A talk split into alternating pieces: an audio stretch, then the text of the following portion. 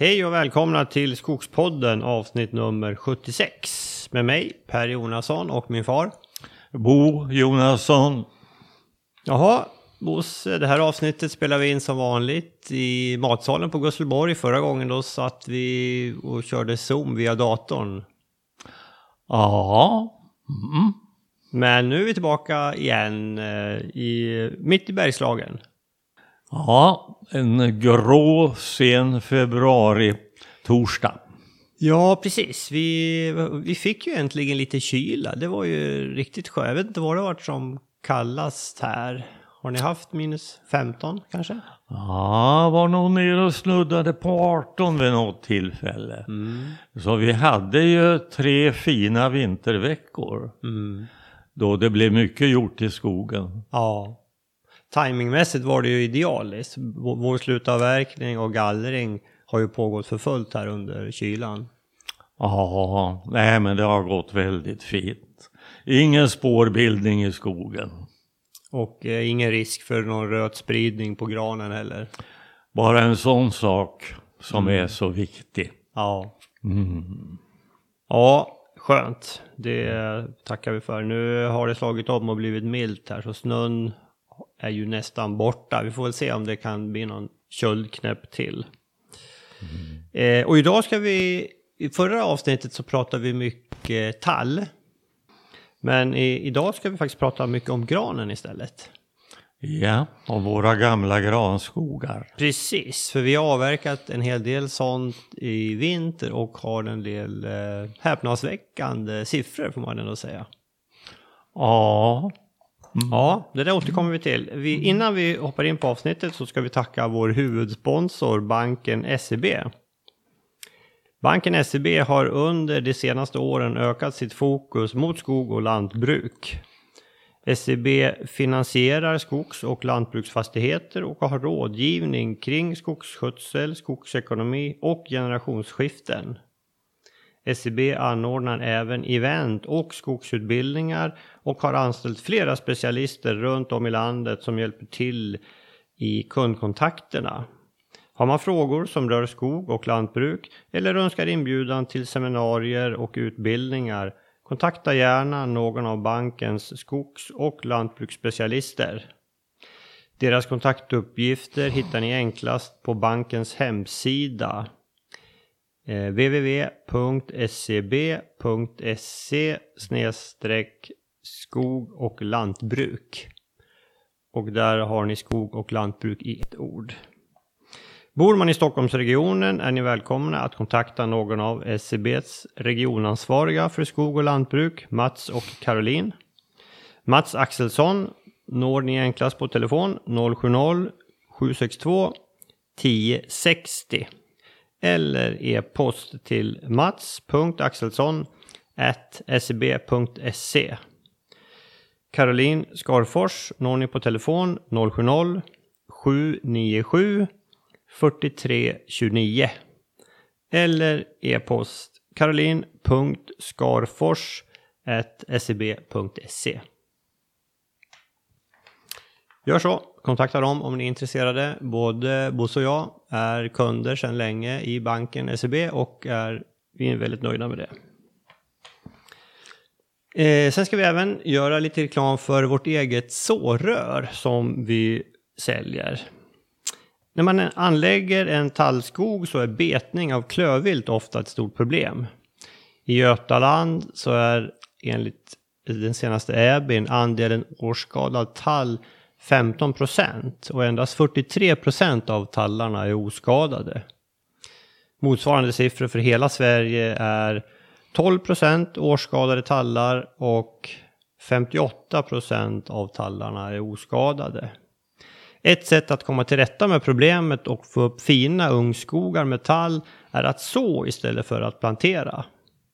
Vår vanliga beskogningsmetod på Gusselborg i Bergslagen och Vassemåla i Småland är att vi planterar gran och ytsår tall mellan plantorna, ofta i kombination med frötallar. Och genom att så kan vi få upp 8 till 10 000 tallplantor per hektar och då går det att producera kvalitetsvirke trots en del betning. eftersom vi har tyckt att det saknas bra redskap för sådd på marknaden så har vi utvecklat Skogspoddens sårör som vi oss, använde oss av både våren 2019 och 2020 med stor framgång och som vi nu också säljer till andra som är intresserade. Redskapet kostar 2496 och finns för leverans. Hittills har vi sålt över 80 stycken. Gå in på Skogspoddens hemsida www.skogspodden.se och klicka på Skogspodden sårrör så finns det en liten film där så ni ser hur det fungerar och ni kan även läsa om hur man beställer ett eget rör. Så är ni intresserade av det här, gå in och kika på det får ni se om det är något för er. Vi är väldigt nöjda med röret. Det funkar bra. Eh, och det hela går ju ut på att vi går alltså eh, på det markberedda hygget och lägger ut frön fläckvis på ytan där vi bedömer att fröna har störst möjligheter att växa och utvecklas. Mm. Fördelen med att lägga ut det så här är att man verkligen kan välja de, de fina ställena. Eh, mm. Frö är ju relativt dyrt får man ändå säga, så man ska ju hantera dem varsamt och, och lägga där det är störst chans för, för bra utveckling. Ja. Ja, nej, men gå in och kika på det om det är något för er. Sen ska vi även tacka vår samarbetspartner Föreningen Skogen. De ger också ut tidningen Skogen och nummer två kommer ut den 27 februari. Och det är temat granbarkborren. Det är lämpligt. Vi eh, kommer bland annat att titta på de senaste bekämpningsmetoderna. Dessutom berättar skötselexperter när det är dags att ge upp kampen mot borren i beståndet och istället slutavverka. I tidningen är det också en lägeskoll av marknaden för barkborrevirke. Ja, det där eh, låter som ett intressant nummer, Bosse. Och viktigt. Ja, alltid aktuellt med granbarkborren. Det har ju dominerat vår skogliga tillvaro nu i eh, i alla fall fyra år. Ja. Från att ha varit ett ganska litet problem. Som har varit mer eller mindre bortglömt. Mm. Mm. Mm. Men det där, det där kommer nog det där kommer att vara ett fortsatt problem framöver, även om det liksom periodvis blir mindre. Det, det kommer säkert att gå upp och ner. Ja, men vi ser hur det kan gå. Eh, för det är bara att följa utvecklingen nere på kontinenten i Tyskland, Österrike, Tjeckien till exempel. Ja. Där hela, hela trakten, allt, all gran är död alltså. Ja. Och all silvergran Ja. likadant. Ja. Nej, men jag har, jag har sett, eh, Skogsstyrelsen har tagit fram prognoser, alltså med ett förändrat klimat, vad det kommer att innebära på, på lång sikt i Sverige. Med en ökade medeltemperatur på 1,5-2 grader och bland det som kom, de, de problem som kommer att öka mest är just angrepp av granbarkborre. Och Eh, ja, rotickan. rotickan också. Alltså rotrötan. Ja. Gran. Och även eh, alltså bränder kommer ju också bli ett ökat problem. Men jag tror den, den procentuella ökningen tror jag man är just rädd för på, på granbarkborren. Så det här är någonting som vi, ja, vi, vi kommer att få leva med. Alright, eh, vi hoppar in på avsnittet Bosse och det här kallar vi alltså våra gamla granskogar för vi har alltså avverkat några riktigt gamla bestånd i år och eh, vi har fått eh, fina siffror som vi kan prata om. Eh, Vi har ju också fått ett lyssnarbrev faktiskt Bosse. Från Västergötland. Just det, från Västergötland och det är en lyssnare som efter förra avsnittet när vi pratade om tallens fina tillväxt.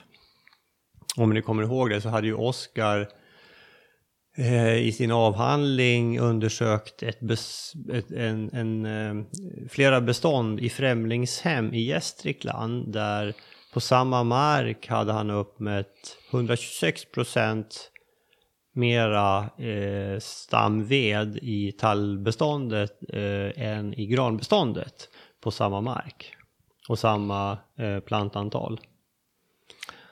Ja, höga siffror. Verkligen höga siffror. Chockerande siffror nästan. Ja. Det här var det en lyssnare som, som eh, reagerade på. Så vi fick ett brev ifrån honom. Som, han har en skogsfastighet i södra Västergötland. Eh, han skriver att det är eh, G24 till G28. Och eh, han skriver här, intervjun av Oskar Nilsson var omtumlande. Och eh, han har även lyssnat till att eh, vi eh, föryngrar med sådd upp till G28, G30. Eh, och eh, ska vi se här. Eh, kan jag göra samma saker i mitt skogsbruk? Är det bättre tillväxt på gran i Västsverige med rikligt med regn som vi har? För vår lyssnare här har hittills odlat eh, gran. Eh, och, men då kommer hans eh, konkreta fråga här. Eh, ska jag göra som ni gör, lämna frötallar och plantera gran glest och så tall? Eller ska jag fortsätta som tidigare att enbart beskoga med gran? Mm. Jag har sedan många år satsat på gran och inget annat. Mm. Det här är ju en eh, svår fråga att svara på naturligtvis. Ja, men det är det. Att sitta uppe i Bergslagen och, och råda någon nere i södra Västergötland vad han ska göra. Det, det är svårt. Man, man, skulle vilja, man skulle vilja ställa några frågor. Eh, till exempel, hur är det med viltskador? För det nämns inte i det här brevet. Nej. Eh, och sen Eh, någonting som är väldigt viktigt när man tänker på beskogning, det är den förväntade hyggesvegetationen. Mm. Va, vad är det som växer där? Är det, är det ormbunkar? Som ju är, kan vara det största problemet eh, för små tall och granplantor att kämpa emot. Mm. Eh, hur är det med, med kronhjorten? Mm. Har det spridit sig dit? Eh, att, att tallen blir hårt betad i den där delen av landet, det tror vi oss veta. Men har ändå inte tillräckliga kunskaper. Jag tycker i alla fall att den här brevskrivaren, han ska göra vad han kan för att få till eh, blandskogar av tall och gran. Eh, och där kan ju eh, frötallar vara ett sätt att åstadkomma det. Även om de inte är eh, no några vackra tallar så kan de ju i alla fall lämna en del frö för eh, självsådd i de här granskogarna. Eh, så att man åtminstone siktar mot att få en blandning av tall och gran och inte bara gran. Det, det en, ligger en risk i det där, eller hur? Det, det är en risk att enbart ha gran. Ja. Det, det, är en väldigt hög risk man tar för de kommande 70-80 åren framöver. Ja. Om man anlägger bara granskogar nu. Vi blir ju påminda då och då genom stormar som kommer ifrån sydväst. Mm. Ja, men vi, vi har storm. Och sen har vi, ha, har vi granbarkborren. Ja, och kronhjorten. Ja. Och rotröta. Ja. Ja, nu om jag, jag läser mellan raderna brevet här att han, han har utgått från att det är gran som producerar mest eh, på, på de här ganska bördiga markerna. Och, och det är väl så man har eh, sett på gran och tall. Ja men visst är det det. Alltså, vi har ju här eh, under de senaste hundra åren säkert haft den här ganska schablonartade synen på Mm. var, var ska vi ha tall och var ska vi ha gran. Ja. Och det är ju först nu i allra senaste tid som forskningen har gett sig på det här problemet. Och eh, då kommer här Oskar Nilssons avhandling med 26, eh, 126 större produktion i tallen än i granen. Det kommer som en, en väckarklocka. Ja, det är en riktig slag i solarplexus. Nu är det eh, ingen som tror, eh, inte Per och inte jag, att det här gäller generellt, för så är det definitivt inte. Nej. Utan skillnaderna mellan tallens och granens produktion, det är mycket mindre än 126 procent. Men att det var 126 procent i just det här försöket som Oskar gjorde, det tvivlar vi inte ett ögonblick på, för det är naturligtvis korrekt gjort. Alltså. Eh, kraven på exakthet och eh, korrekt matematik i sådana här sammanhang är, är, de är stora. Alltså. Ja, absolut. Mm. Nej, det tvivlar vi inte på. Nej, men vi har, vi har ju sett, eh, Urban Nilsson har ju visat eh, siffror ifrån eh, andra mätningar eh, på lite olika ställen i Sverige. Och där, är, där har ju också tallen producerat mer än granen. Det har ju inte varit i, i den storleksordningen som Oskar kom fram till. Det har ju varit kanske, eh, inte vet jag, 10-20 procent bättre. Men det har ju varit även på ganska bördiga marker. Alltså det man lugnt kan säga det är att, att tallen producerar lika mycket eller lite mer än gran på eh, ståndortsindex upp till 32 någonting. Ja, 28, 30, 32. Dessutom har blandskogarna av tall och gran har många fördelar jämfört med granskog. Mm, absolut. Ja, men det här med att minska riskerna, det känns ju som det blir viktigare och viktigare för oss små privata skogsbrukare. Ja, och sen kommer miljösynpunkterna in. Ja, visst. Mm. Hög biologisk mångfald. Ja. Eh, Men om vi ska avsluta med något konkret eh, råd till vår eh, lyssnare som också tackar för en fantastisk podd. Eh, tack, tack själv. Eh, är inte det att prova på något bestånd och anlägga en, en blandskog och se vad är det som växer bäst? Jag tycker också att du ska prata med dina grannar och få in dem på samma spår. För det underlättar. Alltså.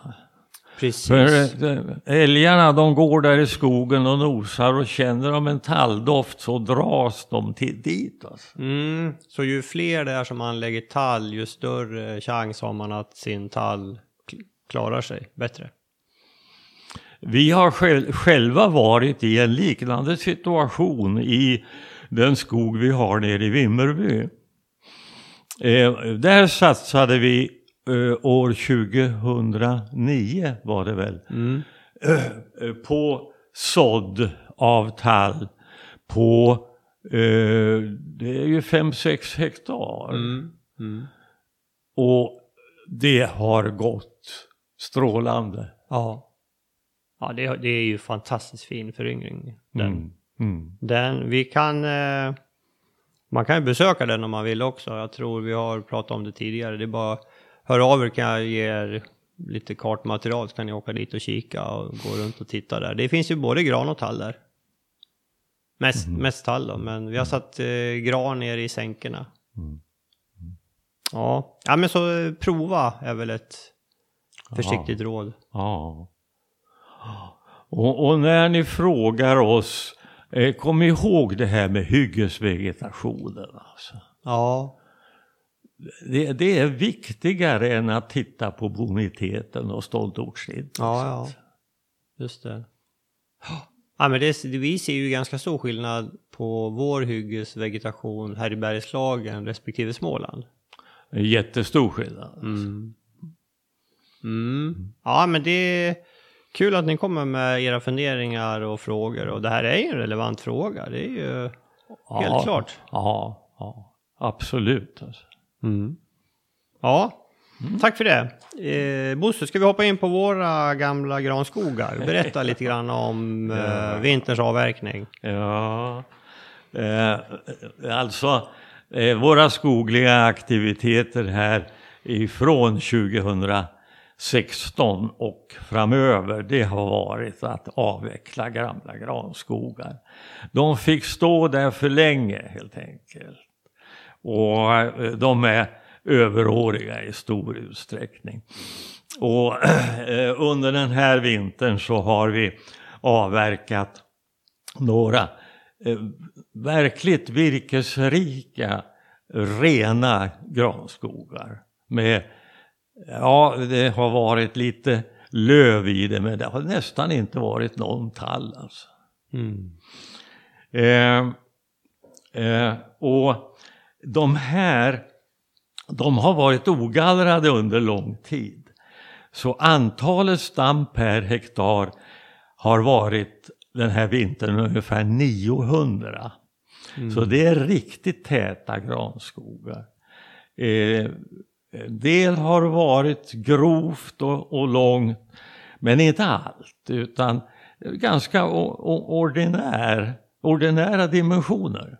Men det har varit tätt. Mm. Och det har bland annat haft den fördelen att vi har varit i stort sett helt befriade ifrån vindfällen i det här. De här täta granskogarna är stormfasta alltså. Mm. De skapar fint lä åt varandra och när de börjar röra sig så rör de sig inte helt i takt utan en del ö, ö, ja, de bromsar varandras rörelser helt enkelt mm. genom att kronorna krockar. Och 900 stammar per hektar i 100-årig granskog, det är inte helt vanligt. Nej, Nej, det brukar ju folk reagera på när vi nämner de här siffrorna, ja. att det har varit så pass tätt. Ja. Eh, från 2016 och framöver, så det vi har slutavverkat har bestått av 70% gran och 30 tall. Mm. Och det har ju varit en medveten att vi styr mot de gamla granskogarna. Absolut, vi slutavverkar ingen tall. Eh, är det hälften tall så får det stå tills vidare. Ja. Mm. Mm. Eh, Berätta om eh, volymerna. Volymerna. eh, är det här vi avverkat i vinter, det har varit i genomsnitt 437 M3F UB per hektar. Eh, om vi räknar om det till M3SK så är det ungefär 500. Mm. Och eh, eh, det, det, allra virkesrikaste beståndet, där stod det eh, ungefär ganska precis 600 M3F UB per hektar. Eh, skogskubik måste det ha varit va? M3SK ja. Ja, du, ja. Sa, du sa FUB.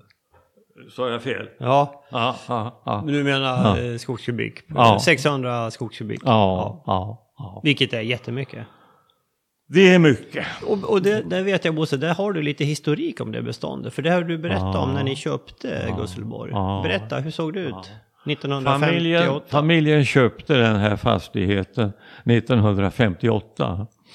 Och den här fläcken som vi nu pratar om, där det alltså stod 600 skogskubikmeter. Eh, den var, det var en ren björkskog. Och den var ogallrad. Eh, nära nog i alla fall. Mm. Eh, det, det, var tät gran och det växte undertryckt. Eh, det var en tät björkskog och så växte det underväxt eh, grad i det här. Alltså. Eh, och det är de vi har avverkat nu. Alltså. För björken den försvann genom successiva gallringar de första åren. Och sen gallrades den här granskogen två gånger. Mm. Eh, så att totalt har det nog producerats eh, åtminstone åtminstone 700 eh, skogskubikmeter på de 100 år det är frågan om här alltså. Mm. Men du, alltså då, eh, det här är ju 63 år sedan ungefär. Ja, ja. Och jag menar nu har vi mätt upp den till, alltså det var ju lite över 90, det var ju nästan 100 år skogen. Så den måste ju ha varit då, alltså granarna måste ju ha varit en 30 år då redan. Ja, så det värsta är att jag får inte det här riktigt att stämma med mitt synminne.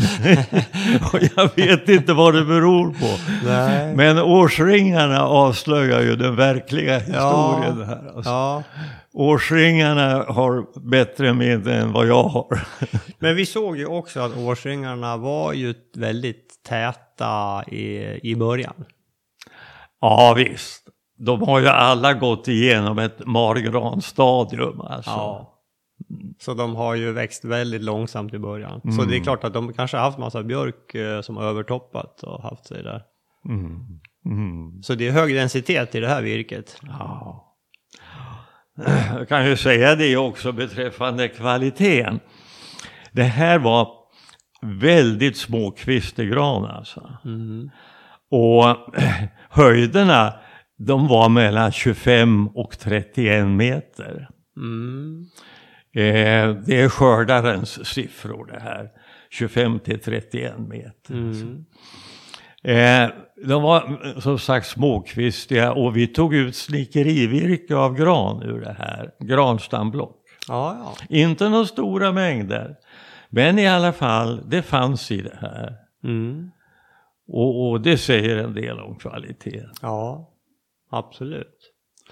Det här eh, beståndet, det, det står på eh, nästan precis på högsta marina gränsen. Ja. Alltså dit havet nådde efter istiden. Mm. Och det är i, vid botten av en lång sluttning där det strömmar näringsrikt vatten ifrån de högre belägna delarna. Mm. Och delvis bryter fram eh, i det här området där det, de här hyggena, det är totalt fem hyggen. Mm. Eh, eh, små hyggen. Eh, där, där de här fem hyggena är. Mm. Mm. Så att det, är- det är väldigt gynnsamma förhållanden. Alltså. Jag tänker på det här beståndet som där vi hade 600 skogskubik. Alltså där var ju inte granen extremt grov. Nej, det var den inte. Det skulle man ju kunna, tro- när man hör siffran 600 så tror man ju det. Så det, den höga volymen är att det har varit så pass tätt.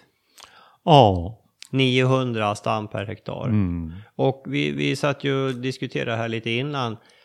Vi, vi, jag har inte klart för mig exakt vad gallringsmallarna rekommenderar, men det, det kanske är 700 att man ska landa på. 600-700. Ja, 6 och sju- till 700, ja. Ja. det skulle jag tro. Jag menar, hade vi gått på det, då hade vi inte haft de här höga volymen antagligen. Nej. Eh, Så ett sätt att få, liksom, få upp volymen även på ganska, det här är ju inte, ja men okej det är bördigt men det är ju inte liksom, det är inte G32. Det är ju att ha liksom granen tät. mm. Det har vi pratat om i tidigare poddar men det tål att upprepas. Mm. Och återigen det här med stormfasthet. Ja. Att de klarar stormarna, de här Ja. bestånden som är på det här viset. alltså. Mm. Det finns ju en föreställning eh, som man hör ibland att om granen står så tätt att den liksom inte utvecklas till någon grovlek alls. Att det blir liksom mera som slaner. Ja, Men det känner vi ju inte igen riktigt. Nej. Nej. Eh, visst, alltså det finns ju de här norrländska stavagranarna. Mm. som stod orörda upp till hundra års ålder eller någonting i den stilen. Mm. Eh, och de utvecklade ju aldrig några grova dimensioner. Nej. Nej. Men det här är ju inte att jämföra med det. Nej. Nej. Mm. Ja. Eh, jag sa alltså att det, det, det var fem små hyggen i, i samma trakt här inom några hundra meter ifrån varandra. Eh, vi hade ju den allra bördigaste fläcken, eh, där mätte vi alltså upp en gran. Den var 34 meter hög och det var 65 centimeter i brösthöjd. Mm. Och eh, vi räknade ut igår kväll att den höll 4,5 skogskubikmeter. Det, det är mycket alltså. Och den var vacker. Ja, ja för tusan. Absolut. Ljus, rak, småkvistig. Ja, mm, mm. ja riktigt fin. Mm. 4,5 kubik, det är mycket. Ja, det är mycket. Och då är det ändå bara hälften av den, vår allra största gran som du har mött upp till över 9 kubik. som växer också i samma område. Ja. Tyvärr så dog den av ett eh, barkborreangrepp för ja. ett par år sedan. Ja. Mm, mm. Ja, den, den, är ju väldigt stor. Men det här på 4,5, det var ju faktiskt ett antal granar som var i den dimensionen i, i närheten där. Ja. Mm. Inte, inte jättemånga, men mm. det var väl 10-15 stycken i varje fall. Mm. Hade det inte varit för granbarkborrarna, då hade det här fått stå. Mm. För det var vackert och imponerande. Ja. Mm. Nej, men vi får ju ändå vara glada att vi, de här, att, att behålla granen till, till den här åldern som vi har gjort här är ju ett, eh, ett vågspel känns det som. Ja, det gör det. För sa vi åldern på de här? Det här är lite med 600 kubik, det var ju alltså 90, 90 år plus. Ja, det, ja, en del av det var 110 året och ett annat var 90. Ja. Så att vi har sagt 100 Ungefär 100. Ja. Just. Mm. Mm. Och de här, den här som var 4,5 kubik.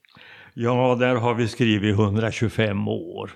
Vi hade något som, som var över 125 mm. faktiskt. Ja, det är ju väldigt gammalt. Mm, mm. Men de hade ju klarat sig från uh, granbarkborren uh, hittills. Uh. Ja, ja, ja. Men i det här, uh, det första vi pratade om, det som höll 600 skogskubikmeter. Där hade vi ju vid två tillfällen har vi haft granbarkborrar. Precis, och det, det, har ju varit de största mm. på hela skogen faktiskt, ja. angreppen. Så mm. där har vi ju mm. haft mm. ja, ganska, ganska stora angrepp. Mm. Mm. Så där var vi ju rädda att det skulle sprida sig. Så, och, och, det var ju lite grann därför vi tog ner det här nu. Men visst är det så. Ja. Ja, ska, ska vi du har ju funderat lite grann på beskogning av de här. Det kan ju vara intressant. Ja, ja. Absolut. Eller har, hade du andra saker innan? Nej, jag, jag, jag, tänkte att vi skulle prata om just beskogning. Ja, för nu blir det, förra avsnittet så pratade vi om liksom tallens väldiga tillväxt och, och, att den slår granen ganska ofta. Och nu, nu paradoxalt nu så pratar vi om de här väldigt höga eh, virkesrika granskogarna. Det, det blir lite paradoxalt. Ja, ja, ja, visst. Eh, nej, men det är bra att vi har två, eh, två träslag som eh, i alla fall, trots att de är olika i många avseenden, så producerar de mycket kubikmeter. Ja under, under liksom deras förhållanden som de, som de vill ha. Sen, sen missar vi ju aldrig något tillfälle att prata om blandskog. För att är det så att man blandar de här två träslagen och sköter det på ett bra, bra sätt så har man en, en stor fördel av att det är två träslag och inte bara ett. Mm. Så är det ju. Eh, och eh, på de här markerna, ja jag föreställer mig att vi kommer att plantera gran och så tall på det sätt som vi nu har gjort under den senaste eh, sju, åtta årsperioden. Ja. Och det har gått så pass bra den här, mm. den här metoden. Mm. Det har fungerat så bra. Så att vi kan inte göra annat än att fortsätta med den. Sen kommer vi naturligtvis att variera ändå tonvikten. Vi kan, vi kan i de här bestånden, eh, ja det här finns fläckar där man där, där ryggmärgskänslan säger att det är, det är gran som gäller. Alltså. Mm. För det är så bördigt. Ja, och då skruvar vi upp andelen gran. Ja. Ja, men det, det känns ju helt rätt. Men eh, vi kan ju också upprepa det här att, att vi har ju eh, G32-marker där vi har sått tall med framgång alltså. Mm. Ja. Jo, absolut. Mm. Eh, nej, men vi ska, ju inte, vi ska ju inte gå på bara gran på de här riktigt bördiga, utan vi vill ju ha en inblandning av tall, men att vi kanske Normalt sett så lägger vi kanske tyngdpunkten på, på tall, men blir det så här bördigt, ja, då, då kanske granen, att vi lägger lite mera, planterar lite mera tätare då. Och sen är vi ju hela tiden väldigt inställda på att uh, uh, skaffa oss mera kännedom om det här, mera kunskap. Vi har ju uh, under det senaste halvåret så har vi ju gått tillbaka och tittat på en del av de här beståndsanläggningarna och se hur de utvecklas. För det får inte bli så att ett av träslagen går klart före. För eh, den som vinner en höjdfördel, det träslag som vinner en höjdfördel i 10-15 års åldern behåller det och, och förstorar det försprånget Mm. successivt Ja. och blir dominerande. Så man, man får vara aktiv när man röjer och, och liksom styra och eh, kanske då i vissa fall ta bort dem som går eh, för högt i förväg eller för, för mycket i förväg. Eh, Oskar sa ju en intressant sak som, jag, som tål att upprepas i intervjun där att eh, tallen har ju någon form av, eh, den, når- den når något max, alltså vid en viss bördighet så kan, då liksom växer inte den snabbare medan, medan granen den verkar växa snabbare och mera ju bördigare det är. Och det är ju därför den får en, ett övertag då när det blir väldigt, väldigt bördigt. Mm. Mm. Mm. Eh, Jag har bland mina papper här en kopia av en sammanställning av eh, produktionstabeller för, för gran på G32. Mm. Eh, och det gäller för södra Sverige. Och med olika gallringsalternativ så får man en varierande totalproduktion per hektar och år under cirka 100 år. Och den varierar på G32 mellan drygt 8 eh, skogskubikmeter per hektar upp till 11 och en halv ungefär. Ja. Så det, det är vad, vad granen producerar. Mm. Eh, sen kommer förädlingsvinsten till här. Just det. För det här är inte eh, plantagefröer ifrån början. Nej, Utan det är beståndsfröer. det där är tabeller som Harry Eriksson har gjort. Ja, det här är Harry Erikssons ga- gallrings, gallrings eh. Som är, var en, en vetenskaplig bragd. De här kom, ja, det var väl 1990-tal. Mm. Jag vet faktiskt inte. Mm. Mm. Ja, du känner ju honom. Ja visst, ja visst. Vi är goda vänner och pratas vid. Mm. Ja. Vad kan vi mer säga om våra gamla granskogar? Eh, Det har inte känts jobbigt på något sätt att sluta verka de här. För att eh, eh, det har varit så uppenbart att, att de, har, de har nått sitt optimum. Mm. Eh, så nu koncentrerar vi oss på att skapa vackra ungskogar Ja. och njuta av dem istället. Ja.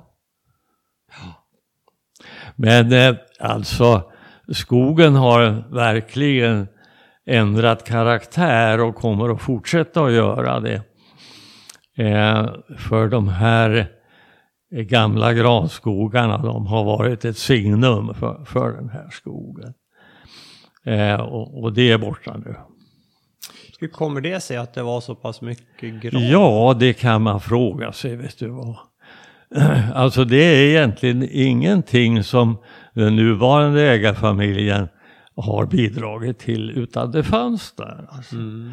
Och jag tror att delvis så gick man ut i skogen och plockhögg de fina tallarna. Mm. Och kvar blev granen då? Och kvar blev gran. Mm. Om du tittar på liksom markerna runt omkring här generellt i Bergslagen, hur skulle du säga att det ser ut då? Ja, nu är det i de här trakterna, det är så, så pass mycket storskaligt skogsbruk. Mm. Eh, Sveaskog är stora ägare. Och tidigare har ju deras marker i stor utsträckning tillhört bruken här alltså. Järnbruken Ja. i Bergslagen. Och, och det är ju skött på, på ett annat sätt. Men på privatskogarna kan det ha varit så här att man jagade de bra tallarna. Mm. Mm. Eh, eh, Ja, just det. Och avverkade dem och skapade på det viset de här granskogarna. Mm.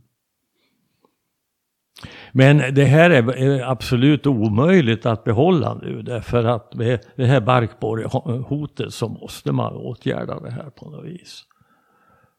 Och då är det ju slutavverkning som gäller. Ja. Nej men nu, jag menar, de här var ju då eh, uppemot 100 år och till och med ännu mera. Ja, i, i framtiden så, så blir det väl att man kommer att avverka granen tidigare, tror du inte det? Jag tror att eh, en fullt tänkbar slutavverkningsålder för, för granen här är 60-70 år. Alltså. Ja. Ja, och är det då så att man har sett till att man har en tallinblandning i det här så kan det bli på det viset att de kvarvarande tallarna får bilda ryggraden i det framtida beståndet. Eh, och eh, att det blir en timmerställning av tall. Mm. Just det. Och då har vi pratat om storleksordningen 550-600 tallar. Eller ja, Ja, någonstans där. Ja, kanske kan det vara en, ännu färre, kanske kan det vara 350-400 Mm. tallar som står där och förhoppningsvis förräntar sitt rotvärde. Ja. Mm. Men då kan ju de stå, de kan ju stå i 30 år till då. Absolut. Mm. Mm. Att man förlänger omloppstiden på det viset. Just det. Och, och det, är, det är en viktig miljöfråga också. Ja. Hur då tänker du?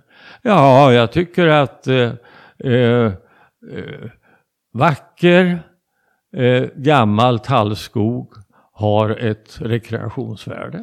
Absolut. Mm. Eh, idealiskt för bärplockare. Ja, jaha. Då får du ju verkligen bär och svamp och Ja. du får bra ris för klövviltet att beta i. Ja. De älskar ju riset. Mm. Och så får du ju liksom en hög, eh, en hög ålder på skogen och du kommer att få dödved automatiskt. Och, ja, det finns många fördelar. Mm. Visst är det så.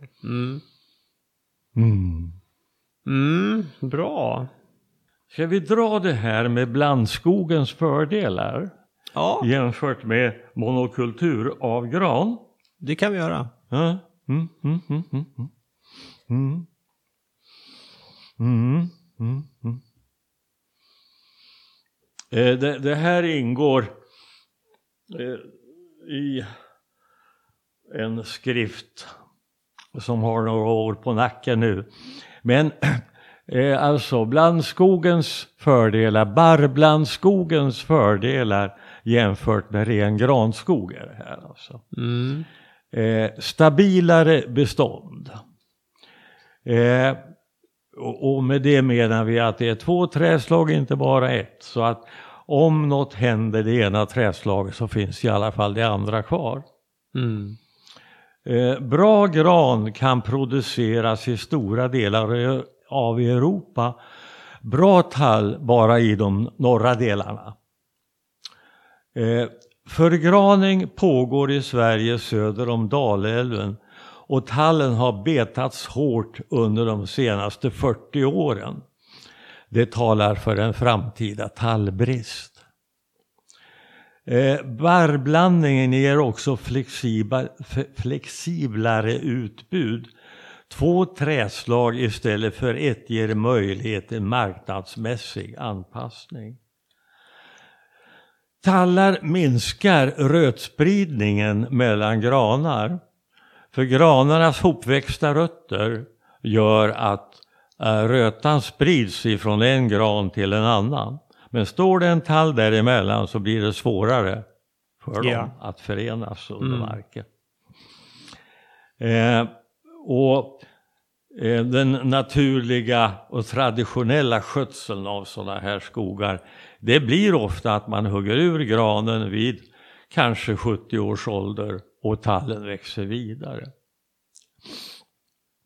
Och när det här bestånden sen avverkas slutligt, det vill säga när, när tallen huggs ner, så kan man ställa en fröträdställning och föryngra den där på följande generationen med naturlig föryngring. Mm.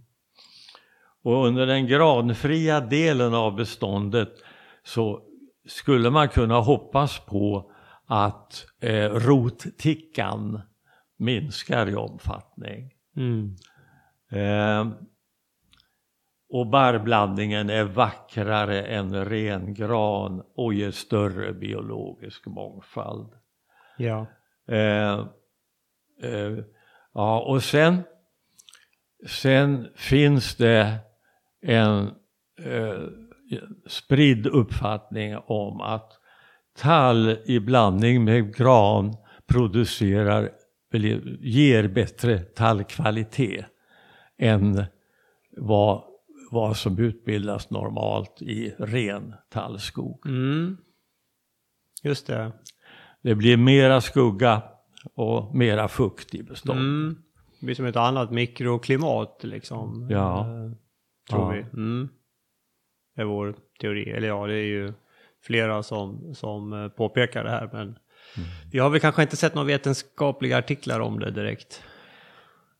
Vad jag vet. Det, fi- det finns något, men, eh, men eh, det, det, det motsvarar nog knappast eh, fullt ut det, det krav man har på, på vetenskapliga artiklar. Nej.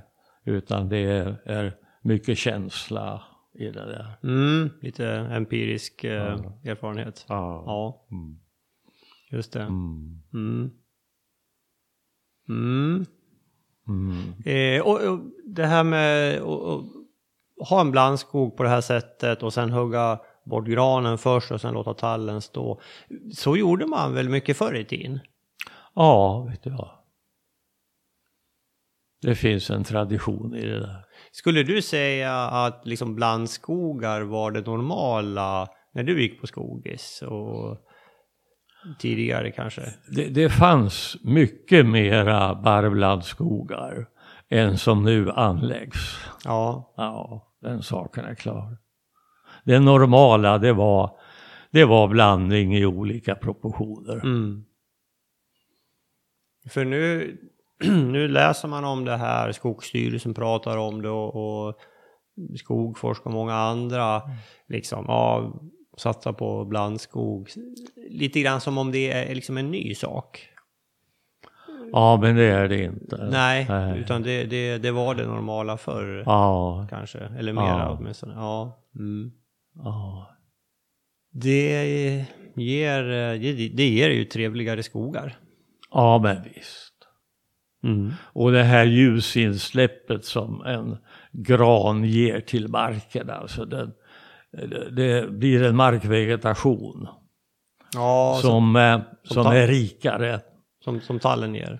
Ja, Du sa gran, ja. ja, nu, ja, jag har så lätt att blanda bort det här med Ja, tall och gran. Tallen har ju kanske lite längre barr kan du tänka på. Ja.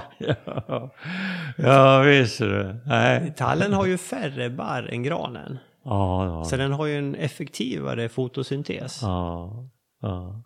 Men liksom en, en mindre barrmassa så producerar den då lika mycket eller mer. ja. Mm. Mm. Sen har ju granen har ju haft ett högre värde när vi har slutat verkat de senaste åren. ja visst. Men det håller kanske på att svänga. Eller kanske har redan gjort. Ja, det, det, det har nog gjort det faktiskt. Det, vi har ju eh, känt av en eh, eh, timmer, eh, talltimmerbrist i marknaden. Mm. Vilket har gett en eh, skjuts uppåt på priserna då, Ja. förstås. Mm. Mm. Vi får väl se, alltså de här det KL-trä som produceras allt mer och mer, det är väl vad jag förstår oftast gran. Ja, KLT. Mm. Sa du det? Ja, KL. KL, ja. Mm, mm, mm. CLT Ja, på engelska. Ja, KL nej, men alltså i, så, eh, i, i husbyggen så, så är det ju i mycket stor utsträckning gran. Mm. Eh, Det är det naturliga träslagsvalet. Alltså. Ja. Så, så visst är det det, men, men tall duger ju också till det här. Alltså. Mm. Ja, alltså fönsterämnen, då är det väl ofta tall? Vilket då? Fönsterämnen? Ja, oh ja, i snickerier överhuvudtaget Ja. så, så är det ju så, som regel tall. Mm. Just det. Mm. Ja men bra. Vi kanske ska nöja oss med det där eller har, har vi något mer att ta upp när det gäller de gamla granskogarna och våra avverkningar? Ja. Eh, Ska du nämna vilka, vilka sortiment vi fick ut ur de här gamla granskogarna? Det skulle vi kunna göra. Eh, den här jättegranen vi pratade om som höll 4,5 eh, skogskubikmeter. Mm. Eh, det blev inget timmer av den. Blev det inte timmer? Nej, Vad blev det? det blev plywoodtimmer. Ja. Det svarvas. Eh, och det var, jag vet inte hur många, det, det var nog tio stycken åtminstone. Alltså. Ja, för de är lite kortare i längderna. Ja, de är 2,65 här uppe. Och eh, det, det var, det var, det var plywood. Mm, Mm. Mm. Mm. just det. Och sen har du ju nämnt stamblock också. Ja. Mm. Inga, Ja. inga stolpar. Nej, nej, inga pålar. Pålar är det. Och för stolpar det är, det är furu va? Ja, det är det. Men pålar är gran. Ja, eller båda delarna. Båda delarna. Mm. Så det skulle man kunna tänka sig också. Det hade man kunnat tänka sig. Och det var, det var höga priser på pålar, var det inte det? Eller var det stolpen som var höga priser? Ja, eh, de riktigt stora stolparna är ju välbetalda. Mm. Eh, men eh, pålar vet jag inte så mycket om numera. Nej. Det var i ett tidigare liv sysslade jag med det. Mm. Just det. Bra Bosse, då eh, tror jag vi nöjer oss där och eh, vi har konstaterat att man kan få väldigt höga volymer eh, på eh, granskog. Onekligen. Ja. Och bra kvalitet, Ja, inte minst. ja, Kvaliteten är ju alltid viktig för oss. ja. Ja. Bra, innan vi avslutar avsnittet så ska vi tacka vår huvudsponsor banken SEB som satsar mycket på skog och lantbruk. Eh, kontakta någon av eh, bankens skogs och lantbruksspecialister om ni vill prata skogsskötsel, skogsekonomi eller generationsskiften eller delta på något eh, digitalt eh, seminarium som eh, eh banken SEB ordnar också. Ni hittar kontaktuppgifter på hemsidan seb.se skog och lantbruk eh, i ett ord, skog och lantbruk. Och bor man i Stockholmsregionen, ta kontakt med någon av SEBs regionansvariga för skog och lantbruk, Mats och Caroline. Mats Axelsson på 070-762 1060 eller Caroline Skarfors 070 797 4329. Vi ska också nämna att vi säljer eh, Skogspoddens sårör som ni också kan eh, köpa av oss. Eh, vill man eh, få upp Eh, täta fina ungskogar så är sådd ett alternativ som vi använder oss av. Och gå in på Skogspoddens hemsida och läs mer om Skogspoddens sårör och se om det här är något för er också. Där finns en liten film som visar hur det fungerar och man kan läsa lite grann om röret, hur det fungerar och hur man beställer ett eget rör. Skogspodden.se och klicka på Skogspoddens sårör som finns i en flik där. Tack också till vår samarbetspartner Föreningen Skogen som kommer ut med sin tidning Skogen här den 27 februari kommer nummer två ut och temat är granbarkborren. Där får man läsa om de senaste bekämpningsmetoderna och man kan även läsa när ska man ge upp kampen och istället slutavverka hela beståndet. Det där ska vi definitivt läsa Bosse, för det var ju precis vad vi gjorde här i vintras. Vi slutavverkade ett bestånd som var ordentligt angripet. Ja. Mm. Och skicka gärna in lite eh, frågor. Eh, är frågan tillräckligt eh, allmängiltigt intressant så, så kanske vi tar upp den i podden. Eh, så vi tycker det är kul att få feedback. Tack så mycket för all, vi får mycket feedback också. Tack så mycket för det. Vi, eh, många trevliga brev som vi får som, som tackar för podden och tycker att det är intressant och uppskattar den. Det tycker vi är skojigt. Många som eh, jag vet det är flera, mer än en som har skrivit det här med att behagligt att lyssna på när man ska gå och lägga sig och sova. Och speciellt din röst Bosse tycks vara väldigt eh, populär. Du kanske kan ge ut någon sån här avslapp insomningsband eh, som det fanns förr i tiden. Det kanske fortfarande finns. Eh, ja, just det. Vi, vi, vi hade ju eh, ett en, ett par frågor i ett brev här. Ja, precis. Eh, eh, ni nämner att det behövs flera kvinnor i skogen. Jag skulle gärna höra någon gång era kvinnor, era fruar, systrar, döttrar. Hur är de involverade i ett skogsbruk?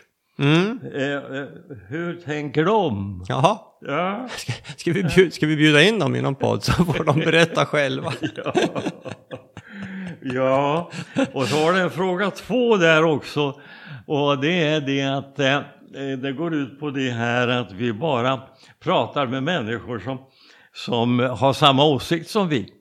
Eh, så att eh, klimatforskare och miljörörelsen kommer inte in i bilden. Nej. Eh, jag har inte haft en känsla att det har varit en sån väldig slagsida. Och det tror jag inte att det är. Nej, nej men men det här med kvinnor, vi har i alla fall vid något tillfälle när vi sådde i Småland 2009 så hade vi i alla fall tre generationer som var i skogen. Och det var ju blandat, det var, det var många barnbarn mm. Mm. med och, och, och jobbade då. Ja, absolut. Och eh, jag har inte räknat dem i huvudet men det, det var nog lika många flickor som pojkar. Mm, det var det nog. Eh, sådden sådden är ju i och för sig inte något tungt arbete. Nej. Det, eh, det, det, finns absolut inga hinder för kvinnor att delta i det. Absolut inte. Och det har ju Anna eh, har ju varit med och sått väldigt mycket. Absolut. Och eh, Matilda har ju varit med och röjt. Jajamän. Mm. Um, så att... Min, min syster Lena har ju varit med och sått också ja, tidigare. Ja, oh ja. Och Annika, Annika också. Ja, ja. Och eh, min, min syster är ju idag engagerad i skogsbruket på så sätt att hon sköter eh, administrationen och ekonomin kring det hela. Mm, mm, mm. Ja. Eh, men sen det här med miljörörelsen. Ja visst, det, det vore, väl, vore väl intressant att, att, ha, att ha en dialog och en diskussion med dem. Jo, förvisso. Det, det blir ju, jag kan ju tycka att det blir lite ide- ideologiska diskussioner och, och ja, jag tror det finns andra som gör det bättre än vad vi gör. Möjligt. Det blir lite politik. Jag menar det här med, Ja. ska, ska skogen stå eller ska den avverkas för bästa eh, klimatnytta? Ja. diskuteras ju ganska mycket.